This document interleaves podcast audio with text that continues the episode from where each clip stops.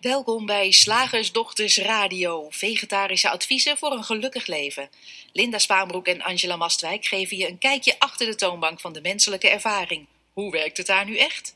Wij maken gehakt van ingewikkelde concepten en fileren met liefde ook jouw leven. Dat alles onder het motto geluk. Mag het een onsje meer zijn?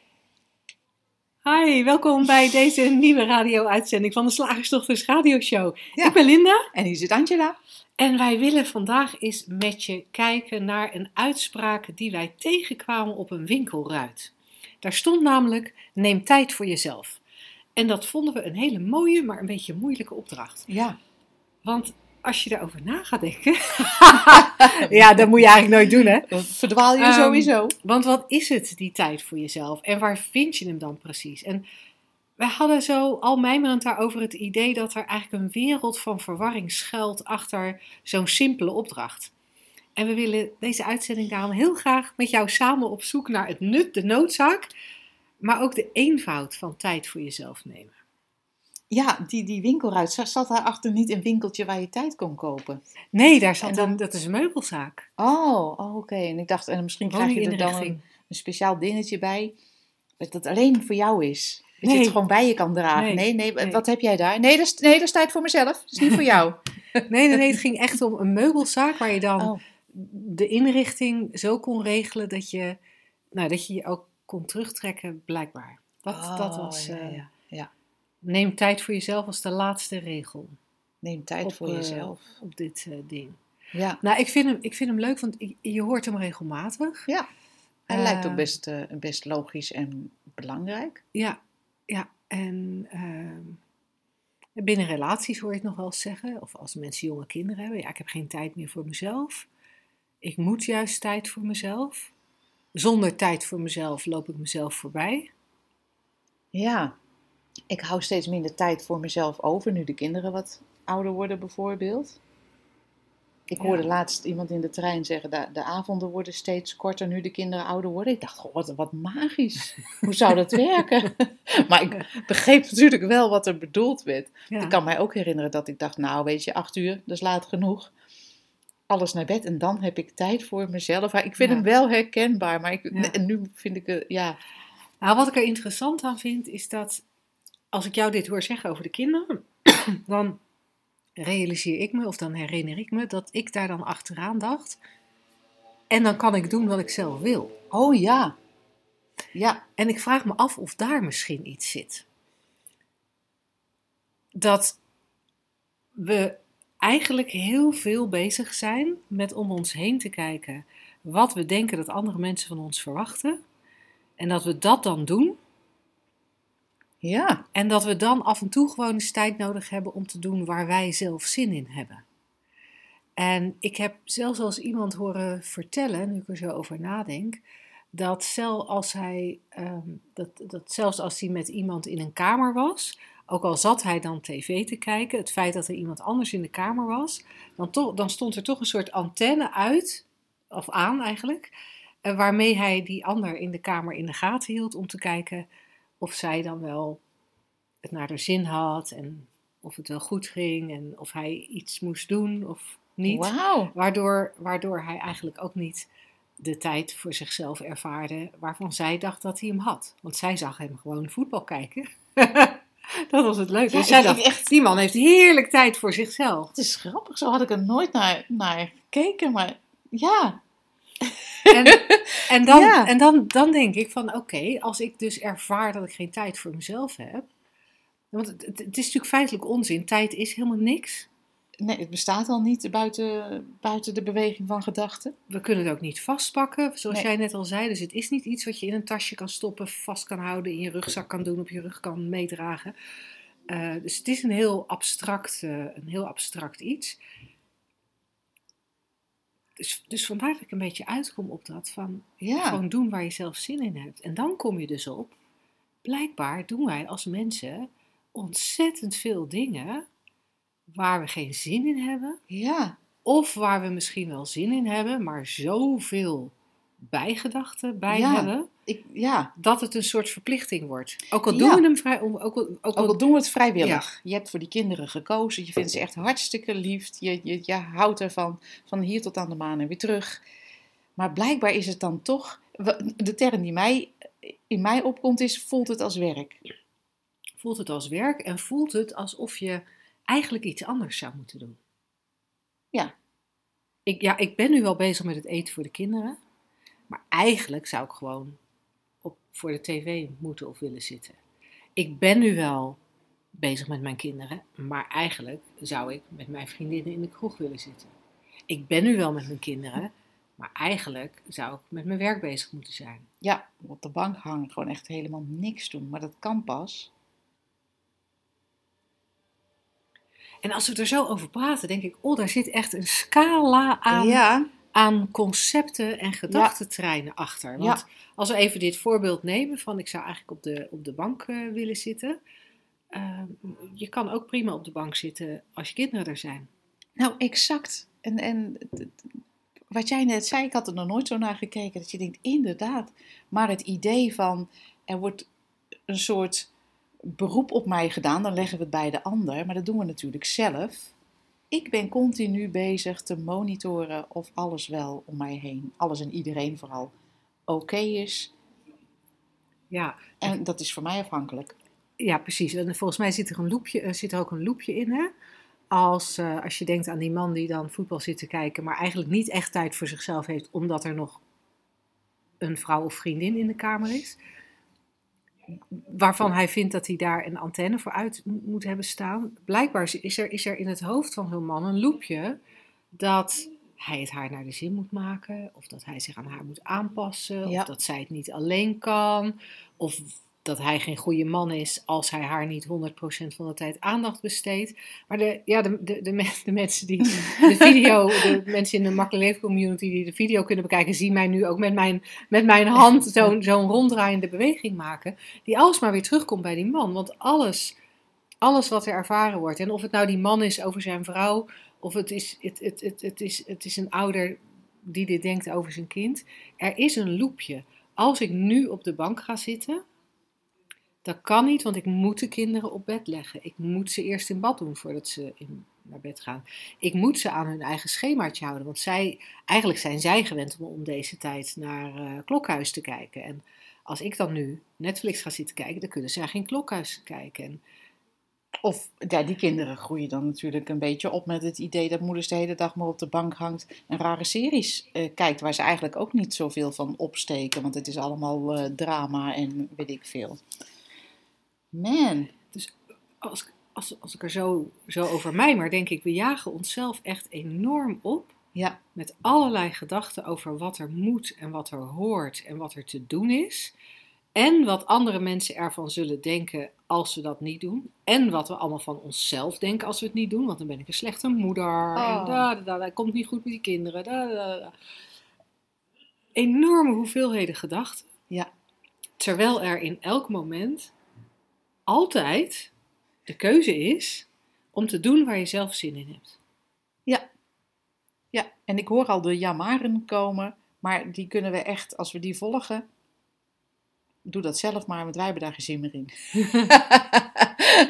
Kom je er al altijd op uit dat dat waar is.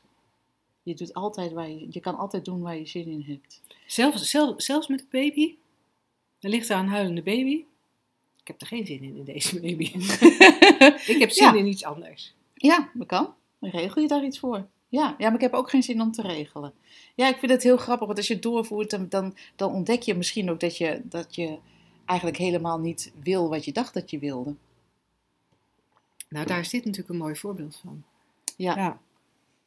Ja, ja want eh, dat doet mij dan weer denken aan het feit dat toen mijn jongste eh, nog een baby was, eh, die had op een gegeven moment een periode dat hij zeven keer per nacht wakker werd en huilde. Ik telde het ook, hè, dat hoor je wel. En dan eh het enige mogelijkheid om, hem, om zijn huilen te stillen was door hem de borst te geven. Nou, dat, daar was ik al de enige in, in het huishouden die dat kon doen. En hij lag weliswaar bij me in bed, dus het was niet zo heel veel werk. Maar toch had ik er veel gedachten over dat, dat zeg maar het open doen van één oog om mij om te draaien naar dat kindje. En dat kindje eventjes in de juiste richting van die borst te wijzen. Dat, dat vond ik eigenlijk al te veel storing. Hm. Dus ik had toen echt zo'n enorme gedachtenwolk boven mij hangen, dag en nacht. Eh, die, die ging over, ik wil doorslapen. En ik heb toen dat jaar voor mijn verjaardag een nachtje in een isoleercel gevraagd. Dat leek mij nou het allerlekkerste wat er was. Om gewoon in een, een, een nacht lang in een volkomen verduisterde, geluids, geluidsdichte cabine te liggen. Ja. Zonder kind. En dat was, wat ik, dat was wat ik mij wenste. Maar door wat jij net zei, realiseer ik me, nee, dat was niet echt wat ik wenste. Want de keren dat er de mogelijkheid was om, als mijn ouders tegen me zeiden, ga lekker een weekendje weg met je man, wij nemen de baby wel. Dan zei ik, nee, nee, nee, nee, want hij is nog aan de borst. Nee, dat kan niet. Ja. Dat kon natuurlijk ook wel, ja, maar dat wilde ik niet. kijk. Ja, het is echt fascinerend hoe we eigenlijk gewoon in elk moment leven in uitvoering zijn, zoals we dat wel eens noemen. Energie in beweging, gedachten in bewustzijn. Echt, noem het zoals jij wil. Er is, er is een creatie. Er wordt bewogen. En of wij dat doen is nog de vraag, maar dat gaat te ver voor de radioshow. En daarbovenop, en dat gebeurt ook, maar als we het doorzien valt het vanzelf weg, hè, is, onze, is onze ervaring en nemen wij waar. En er is continu het verhaal erover. Ja. Dit wil ik niet, dat wil ik wel. Ik wil het anders. Ik wil de tijd vooruit of achteruit. Of ehm, weet ik veel, of dit is niet goed. En continu. Het is, het is fantastisch wat we doen. Ja, dus in feite is er, heeft, het, heeft het niks te maken met, met tijd of voor jezelf. Nee. En wat ik ook wel leuk vind om, om nog even over te hebben met je. Afgelopen zaterdag zaten we hier eh, met een, eh, nou ja, is op het moment van uitzenden alweer eh, eventjes geleden, maar met een volle bak voor een shiftdag over het begeleiden van kinderen en jongeren vanuit dit paradigma van de drie principes. En daar, daar kwam ook eh, dit ter sprake, tijd voor jezelf en dat de opvoeding, weet ik veel, maar wat heb je vier kinderen onder de vijf, dan is er veel te doen. En toen merkte iemand op, ik geloof dat het een trainee was, maar ik weet het niet zeker, die zei van, maar eigenlijk is het altijd me-time, omdat we continu in ons hoofd bezig zijn over, is het wel goed, doe ik het wel goed? Altijd gaat het over ons en zelfs, en dat moet je even, maar even voor jezelf bekijken, als, als je denkt dat het over je kinderen gaat, gaat het over jou. Ja, Echt. ja. Of als Dus- je denkt dat het over je partner gaat, Gaat, het over jou. Ja. Als je denkt dat het over je werk gaat, je baas gaat, het weer gaat. De buurvrouw gaat, je huis gaat, het huishouden gaat. Het gaat altijd over jou. Dus het is eigenlijk altijd me-time. En, en dat vind ik nu heel leuk om ook nog even te noemen. Want wij merken, steeds dieper inzicht krijgend en steeds... Nou ja, we praten hier natuurlijk al jaren over met z'n tweeën, maar ook in deze vorm en, en in de, de dingen die we doen voor Shift Academy dat we eigenlijk juist zien dat, dat zelf uit de weg gaan. Dus het me eruit halen. En dat is niet. Ik, ik, doe, ja, ik zeg het nu alsof je dat persoonlijk kan regelen. Oh, ik haal mezelf even tussenuit, tussen deze vergelijking. En dan loopt het, dan is er gewoon flow. Eh, nou, dat, dat, dat is niet te bewerkstelligen. Want dan gaan we weer zeggen: Oh ja, ik moet uit de weg gaan om in de flow te komen. En dan, dat is veel te ingewikkeld wat ons betreft. Maar wij merken dat steeds vaker het idee, überhaupt het verhaal van Linda en Angela, ja, nergens meer is. en dan is er gewoon wat er gebeurt. Zonder dat, die, dat, dat Linda of Angela me-time heeft van, oh, wat betekent dit voor mij? Wat doet dit met mij? Wat wil ik nu? Wat zou ik hiervan zeggen? Of vind ik dit wel leuk? Wat wil ik? Heel veel ik. Ja, ja. Ja, en dat, dat is heel cool dat je daarop komt met dat tijd voor jezelf. Dat het eigenlijk altijd, het, het is altijd me-time. Ja. Dus wat ga je dan in feite doen als je, als je me-time, eh, als je, als je dan tijd voor jezelf neemt? Is dat, dan, is dat dan een soort poging om even niet aan andere mensen te denken? Is het Ja. een poging om even niet te denken? Dat, dat Zou idee ook ik kunnen. eigenlijk, dat het een Ja. poging is om niet te denken. Ja. En- het gaat bijna altijd over ontspannen. Of ontspannend inspannen. Ja. Sport bijvoorbeeld. En, en dan zou je natuurlijk, dan, dan heb je het dus in feite over rust in je hoofd. Ja. Want op het moment dat je rust in je hoofd hebt, dan maakt het eigenlijk niet uit wat je doet. Nee, en niet waar je bent. En niet hoe lang het duurt. En ik dacht net ook, zonder Mie is er niet eens tijd. Wie zou het in de gaten moeten houden? Ja, ja. Wie zou, Ja. wie zou het moeten ervaren? Dus misschien is gewoon rust in je hoofd, ongeacht de omstandigheden, wel een veel leuker. Ik wou zeggen streven, maar wij doen natuurlijk Wij doen niet aan streven. streven. Nou, het is misschien wat overblijft als je dit soort concepten of ideeën doorziet. En dat is natuurlijk ook eh, waar wij het voortdurend over hebben. Het is wat er van nature overblijft. Een klein kind zegt nooit van ja, maar nu wil ik tijd voor mezelf. En dan kunnen wij natuurlijk daar, daarnaar kijken. Ja, logisch, die hoeft niet te werken, die heeft geen zorgen, die heeft geen hypotheek, die hoeft niet voor het inkomen, ehm, die hoeft geen inkomen te regelen. Dus ja, dat is ja, de eerste paar jaar lekker. Heb je al alle tijd voor jezelf. Maar dan, dan hebben we alweer heel veel bedacht over wat jij net zo mooi zei: van wat er moet en hoe het moet en wat er mag en niet mag en hoe het eruit moet zien. En het is zoveel simpeler. En leven gebeurt gewoon. Cool. Ja, gaan we gewoon door naar de luisteraarsvraag. Zeg, slagersdochters, hoe bak ik die vegaburger? Over naar de luisteraarsvraag. Dit is een vraag van Carla en zij zegt. Oh, en voordat ik Carla's vraag ga oplezen, wij beginnen een beetje door onze vragen heen te, Ja. te raken. Kom eens op. Dus, eh, dus, dus graag naar vragen.shiftacademy.nl. Ehm Carla zegt: In de normalere situaties heb ik ontzettend veel aan de drie principes en het herkennen van bijvoorbeeld gedachtentreinen. Maar in de heftigere situaties die ik tussen haakjes onbewust als bedreigend ervaar, kan ik er echt nog helemaal niks mee. Ik heb namelijk al gereageerd voor ik het doorheb. Zonder cynisch te willen overkomen met Met God denken is het trauma in mijn brein niet opgelost. En blijven die oude patronen actief, een soort fight or flight modus. En blijf ik zo heftig reageren op dingen die voor mij symbool staan voor onveiligheid en of bedreiging. Ik weet dat jullie aangaven dat de drie principes zelfs werken met mensen met posttraumatische stressstoornis, maar hoe dan? Ja, de heftigheid van de hoe dan, die is van mij, hè, die is niet van Carla. Ehm, ja, leuk. Ja, er zit hier zoveel in. Er zit hier zoveel in. Want, want ten eerste al het idee, en dat doen we allemaal, hè? Het is niet, niet dat het fout is of dat het anders moet. Het is alleen maar om het herkennen wat we doen. En, en ja, daarmee kan er heel veel eh, helder worden. Ze beschrijft bijvoorbeeld normale situaties en heftige situaties. Ja. En dat is al een heel mooi onderscheid wat het menselijke brein maakt. Het, het neemt iets waar en heeft daar een label voor. Nou, dit is wel, dit is normaal. Ehm, ik, ik, ik noem even wat. Mijn, eh, mijn echtgenote die moppert over een vlek in de kinderbroek. Jeetje, wat zit ik hier te verzinnen? Hè, dat is normaal en dan kan ik, oh ja, kan ik die drie principes pakken en toepassen en denken, ach, hè, ze zal wel in een gedachtenstorm zitten of trein.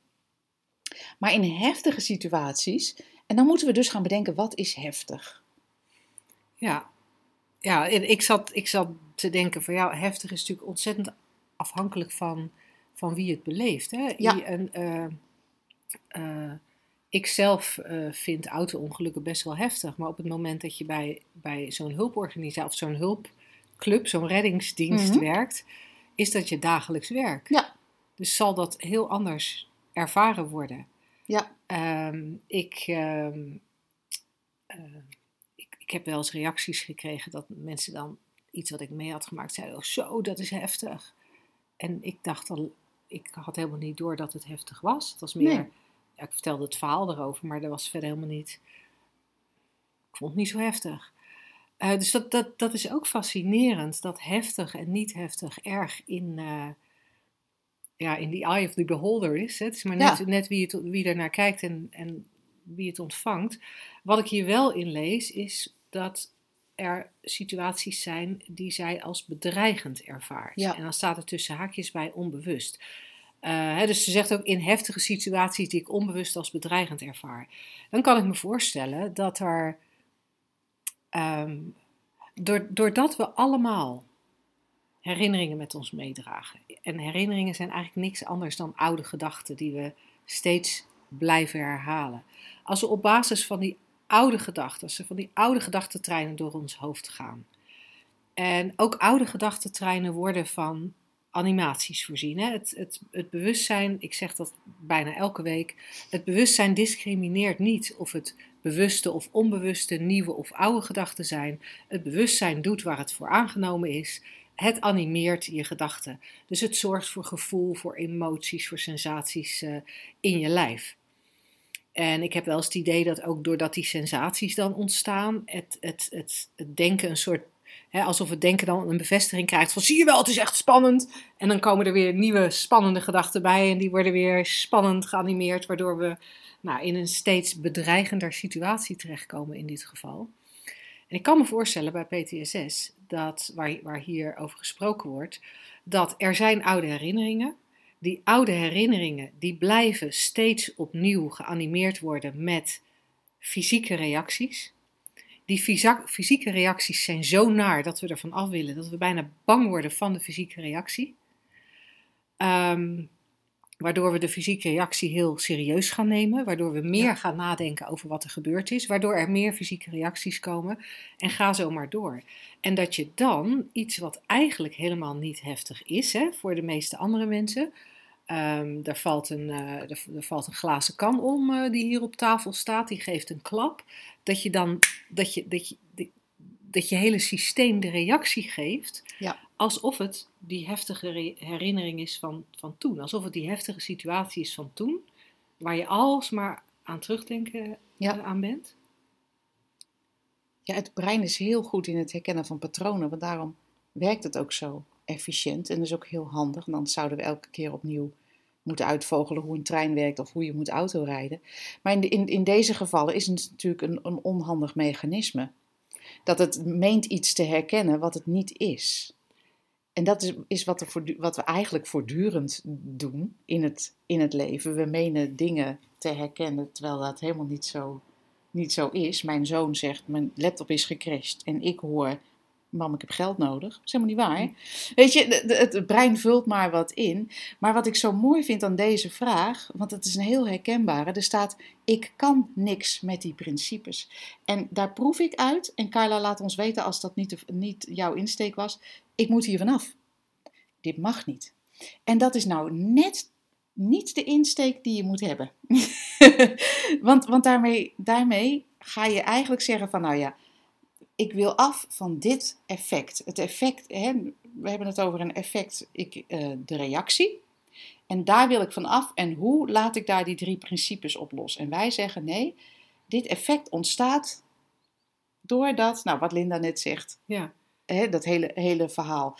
En alleen die herkenning maakt al dat je verzet daartegen weg kan vallen. Oh, daar is het weer. Nou, Ja, en wat ik ook ineens zie, dat op het moment dat het effect er is, de reactie is er, de heftigheid is er, de heftigheid wordt ervaren, Ja.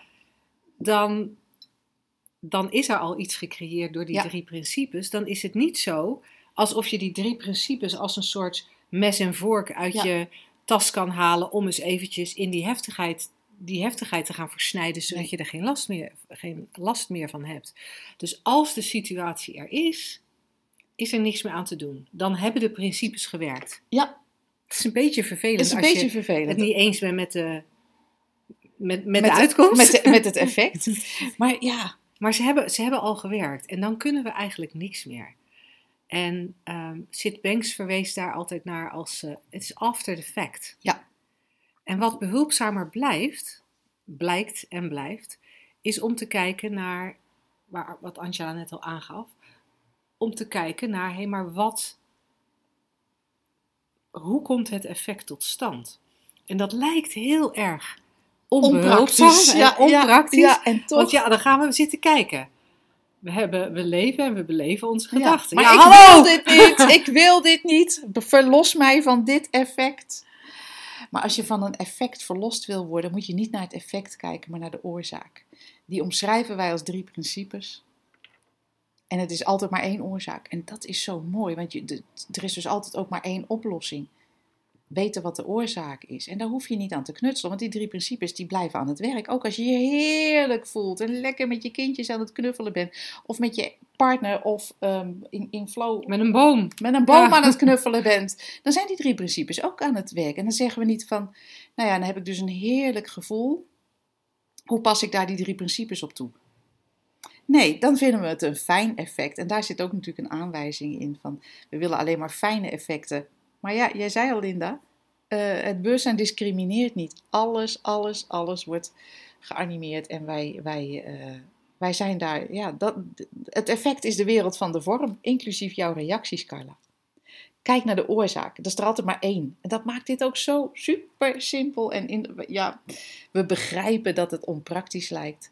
En, en misschien en dat daar, ik verzin dit nu eventjes, misschien een beetje eh, vertrouwen bij komt. ehm, van dat, het, dat dit de weg is om te kijken. Maar ja, dat moet je zelf ontdekken. Ja. Dat moet je zelf ontdekken.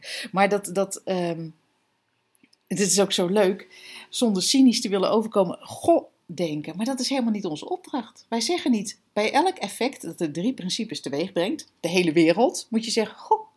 Wij zeggen niet, ga de hele dag, kijk naar de wereld en zeg, goh, goh, oh, ik ben een arm kwijt, goh. Hé, hey, mijn kind ligt onder de trein, goh. Dat zeggen wij helemaal niet. We zeggen alleen alles, alles, elke manifestatie, elke. Ik probeer steeds andere woorden te gebruiken, merk ik nu. Omdat je soms, soms net met een ander woord wel eh, de herkenning. eh, ehm, ja, dat daar wel de herkenning in is. Elke creatie, elke manifestatie, alles wat, wat zich afspeelt, is al een effect. En wij hebben het over één oorzaak. Ja, en is het goed als ik nog heel even Ja, inga op tuurlijk. dat, dat eh, zij ook zei van dat het trauma in het brein niet opgelost is en dat Ah. oude patronen actief blijven. En daar en, en dat begrijp ik helemaal vanuit het oude paradigma. Want vanuit het oude par- psychologische paradigma wordt ervan uitgegaan dat er eh, patronen ingesleten zijn in je hersenen en dat je daar niet zomaar van afkomt. Dat je daar eh, ja, van alles aan zou moeten doen. En dat je dus eigenlijk ook slecht van een heftige reactie afkomt, omdat dat patroon nou eenmaal in je hersenen is ingegraveerd. En ja, en dat blijkt, dat blijkt in praktijk, eh, ook in praktijk van psychiaters. Hè. In Nederland hebben wij nog geen, voor zover wij weten, nog geen psychiaters die op basis van de drie principes werken. Maar in Engeland en Amerika wel, en ook al decennia lang, blijkt dat, ehm, dat ook de heftiger psychiatrische ziektebeelden wel degelijk veranderen door inzicht in de drie principes. Ja. En als we even heel sec kijken naar oude patronen, als we, als we de oude patronen even, even los van of dat in je hersenen ingegraveerd is, ehm, maar oude, oude standaard gedachtepatronen, als we, daar, als we daar eventjes op houden voor nu, dat die actief zouden blijven. Het, het blijkt dat als je meer en meer gaat herkennen, oh, het is niet zozeer een oud patroon als wel een gedachte die herhaald blijft worden. Ja, Het is een gedachte die al, al, al sinds het ongeluk steeds maar weer opnieuw opkomt. Hè, sinds het trauma eh, ontstond. Of misschien nog wel veel langer. En heeft het trauma er eigenlijk alleen maar een laagje overheen gegooid van denken. Maar als je realiseert van, oh, de heftigheid die nu ervaren wordt, is ontstaan door gedachten die al honderd keer, duizend keer, vijfhonderdduizend keer gedacht zijn. En wat ik heel interessant aan vind, dat het, het lijkt erop alsof wanneer je, en ik zit nu achter mij te wijzen, alsof je, alsof je van, van achteren vanuit het verleden gedachten met je meeneemt. Als je die gedachten alsmaar, alsmaar, alsmaar, alsmaar herhaalt, dan is er, zeg even 25 jaar lang, vijf keer per dag, is die gedachte opgekomen. Ik kan de rekensom op dit moment niet maken, maar het moet een enorm groot getal zijn. Eh, het aantal keren dat de gedachte is opgekomen en daarmee het aantal keren dat het bewustzijn de emoties en de sensaties heeft opgeroepen die daarbij horen.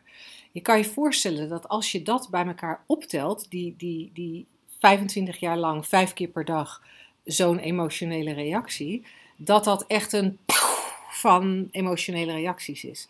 En het ziet er voor mij uit alsof wanneer je ehm, eh, last hebt van zo'n zo'n emotionele reactie, van zo'n van zo'n traumatische reactie, alsof met dat, met de gedachte die nu opkomt, niet alleen de emoties meekomen van deze gedachte in dit moment, maar dan is het voor mij alsof er echt een explosie is van dat hele gevoel van die hele 25 jaar.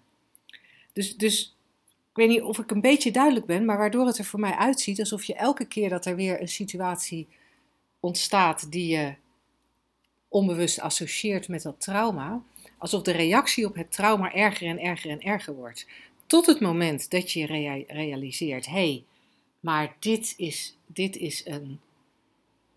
Dit is dus, een, dit is dus een, gewoon een oude reactie. Dit is niet eens de reactie van nu. De reactie van nu is eigenlijk maar misschien 1% van alle heftigheid die ik ervaar. En 99% is oude heftigheid. Die hoort niet eens hier. Mijn ervaring is dat het dan ineens een stuk makkelijker uit te zitten is. Ja, en je merkt gewoon dat je anders reageert. Niet door een trucje toe te passen. En niet van, oh, nu moet ik God denken of ik moet, eh, weet ik veel. Maar je merkt het gewoon. Het, het, is echt een, een, een proces wat niet eens een proces is. Het, het gaat vanzelf. En ik snap, eh, je zit eigenlijk jezelf in de weg met de hoe-vraag. Want er is geen hoe, er is niets te doen, er is alleen maar eh, dingen te weten en te herkennen. En als je daarnaar kijkt in plaats van hoe, hè, want dan zit je een stap te ver Ja, en daar, en daar ook gewoon de tijd voor neemt. ja. En, En ik snap rust. het wel, hè. Ik snap het Natuurlijk wel, willen want- we er vanaf, want het is niet fijn. En zeker als je het gevoel hebt dat het je leven heel erg beïnvloedt, Ja, eh, dan kan ik me ook voorstellen dat er een soort haast ontstaat. ja, Maar net wat jij zegt, die haast, die, die, die haast en die focus erop, die maakt, het, die maakt eigenlijk niet dat het sneller weggaat. nee, die zit, die zit je inzicht in de weg. Het is eerder de andere, ja, gewoon steeds maar weer die andere kant op kijken. Oh, hé, hoe ontstaat het? En wat, wat mij ook heeft geholpen, op het risico af dat ik nu een advies geef, wat niet zo bedoeld is. Maar wat mij heeft geholpen, is, is, is toch, en misschien is dat ook het goldenken waar Carla aan eh, refereert, misschien heeft ze dat me wel eens horen zeggen, dat als ik een enkele keer, het gebeurt mij niet vaak meer, maar als ik een enkele keer die oude traumagedachte van mij, van mijn ongelukken, eh, opkomt, dan helpt het mij toch om het te realiseren dat dit, dat dit een effect is. Ja, Hé, hey, het is een effect in het moment. en je zit er niet aan vast. Nee. Het heeft niets met jou te maken zelfs. En dat, dat het effect er dan is, hoe vervelend misschien ook, hè? Ja, Ehm, maar dat het effect er nu is, betekent niet dat het er altijd zal zijn. nee, Betekent ook niet dat er iets mis met je is. Het betekent alleen maar dat er in dat moment ja, oude gedachten getriggerd zijn en, en je bewustzijn er ja. een groter circus van maakt dan jij nodig vindt. En er is niets mis met jou of met je brein of met het systeem, want het werkt voor iedereen hetzelfde. En het feit dat je regelmatig diezelfde oude gedachten reanimeert, zou ik Ja. bijna willen zeggen, in alle onschuld, maakt niet dat je een probleem hebt of een, een, eh, een afwijking. Dat is gewoon hoe het systeem werkt. En dat zien, ik, ik, ik ga het nog een keer benadrukken, dat zien maakt op termijn alle verschil. Cool. Heel veel succes en liefs ook, Carla. Wij gaan eh, over naar het concept. Woensdag, gehaktdag. Zeg slagersdochters, welk concept gaat er vandaag door de molen? Nou, Linda. Ik heb eh, begrepen dat je moet ook kunnen ontvangen. Oh. Ook als in dat, ook net als eh, geven. Ja. En ik, eh, ik hoor deze uitspraak dan bij mensen die van zichzelf vinden dat ze heel graag geven. Ja. Dus heel, en heel graag voor andere mensen zorgen. Mhm. Eh, maar dat ze het heel moeilijk vinden als andere mensen voor hen zorgen. Of als, ze, als zij aandacht krijgen. Oh. Zij, zij vinden het belangrijker, of tenminste, zij zijn van nature meer geneigd om anderen aandacht te geven en dingen voor anderen te doen. Jeetje. En, ja, dan, en dan wordt er gezegd, ja, je moet wel kunnen ontvangen. Want als je alleen maar voor anderen zorgt, dan loop je jezelf voorbij, dan doe je jezelf tekort. Dan heb je geen tijd voor jezelf. je moet ook tijd voor Ehm. jezelf kunnen ontvangen. En het is, er, het is er ook eentje die ik in mijn omgeving. Ik kom hem in mijn omgeving best wel veel tegen. En dan kom ik hem met name, misschien niet zozeer als. Ik weet niet of ik hem letterlijk tegenkom, zo van je moet ook kunnen ontvangen. Maar ja, je, je laat nooit eens iemand voor je zorgen. Ja. Nou wil, ik, nou wil ik graag voor jou even dat biertje uit de koelkast pakken. Maar Dan ga je het weer zelf dan lopen ga je het doen. weer zelf lopen doen. Weet, zal ik, weet je wat er in mij opkomt? En ik moet er heel erg om lachen. Van eigenlijk is dit een heel groot eh, ego-statement. dat het idee van dat er zoiets is als, als geven en ontvangen, moet er toch eerst een idee achter zitten van een jij en een ik en een iets wat tussen jou en mij beweegt. Al is het maar aandacht, al is het maar Koffie. Koffie, koffie, thee, eh, eh, eh, weet ik veel. En dan zitten we in de wereld van het afgescheiden persoontje. En natuurlijk, natuurlijk praten we er zo over. En ik, ik vind het gewoon geinig om dit, eh, om dit te zeggen. Om even een knuppeltje in het, eh, een illusoir knuppeltje in het niet bestaande hoenderhok te gooien. Maar ehm, ja, als je denkt dat er geven en ontvangen is, dan moet het toch echt iets zijn zoals als een, als een ik en een jij en dingen die daartussen bewegen. En, ja, je zou al zelfs, als je het heel esoterisch maakt, energie die daartussen beweegt of weet ik veel. En ik denk, ja, dan zit je toch ook alweer een, een stap te ver in de, in, de, in de vorm. Natuurlijk praten we er wel zo over, hè. doe het gerust. Wij verbieden ook niks. We vinden het alleen leuk om er een beetje om te lachen en, eh, en eigenlijk een beetje uit te pluizen van hoeveel dingen we tegen elkaar zeggen die eigenlijk eh, eh, geen betekenis hebben en geen bestaan buiten ons geloof erin. Ja, en, en, en, en even een andere hoek. Jouw Ja. hoek is heel mooi, hè? Ja, dus laten we heel even stilstaan bij Angela's invalshoek. Klaar. Maar wa- wat ik, wat, ik, wat ik hier ook ineens in zie, is van je moet ook kunnen ontvangen. Dat kan eigenlijk alleen maar ontstaan als ik, als een subtiel slachtoffer, zoals wij een Oh, aantal ook radio-uitzendingen geleden spraken. Als ik als een subtiel slachtoffer constateer dat ik toch wel heel veel voor mensen aan het zorgen ben. Ik sta toch wel altijd voor iedereen klaar. Ik heb alles gegeven Ja, en toch ging die. ja, ja. Of, of als een subtiel slachtoffer.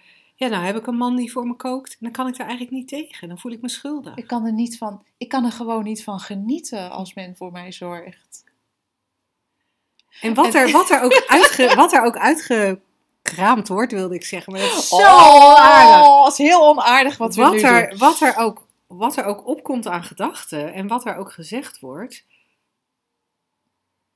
Het, het, het is ook een soort subtiel slachtofferschap. Ja, die is ook een leuke.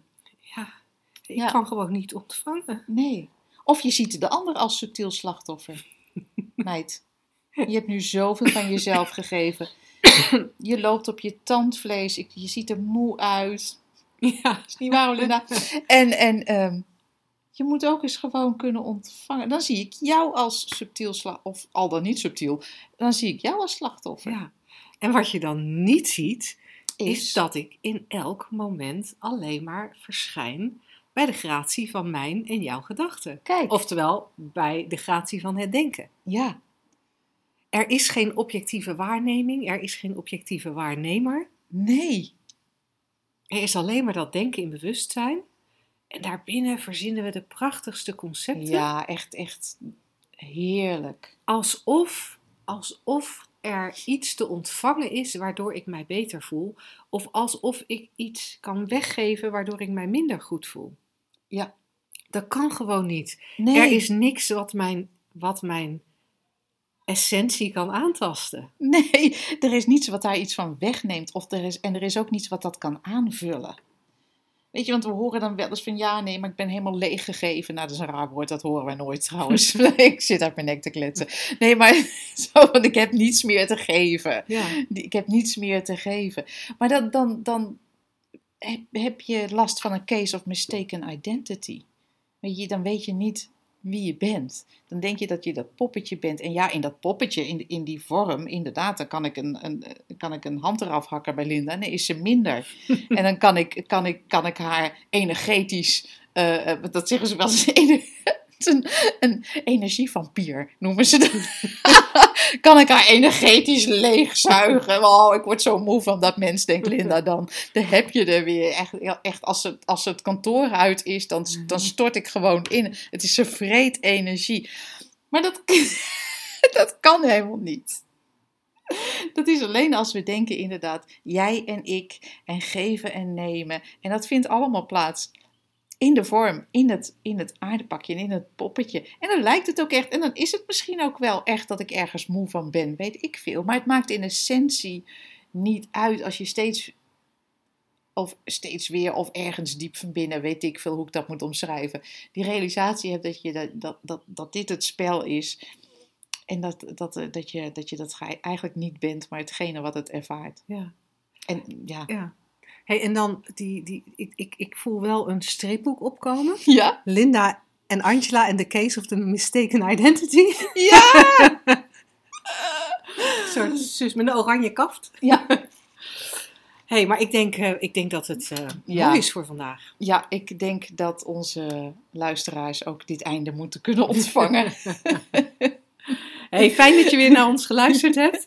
Eh, vergeet niet om je vragen aan ons op te sturen. Vragen at shiftacademy.nl Ja. En als je zin hebt met ons verder te kletsen, kijk dan even op shiftacademy.nl waar wij allerlei leuke trainingen en coaching en een community hebben. Je bent welkom. Doei! Doeg!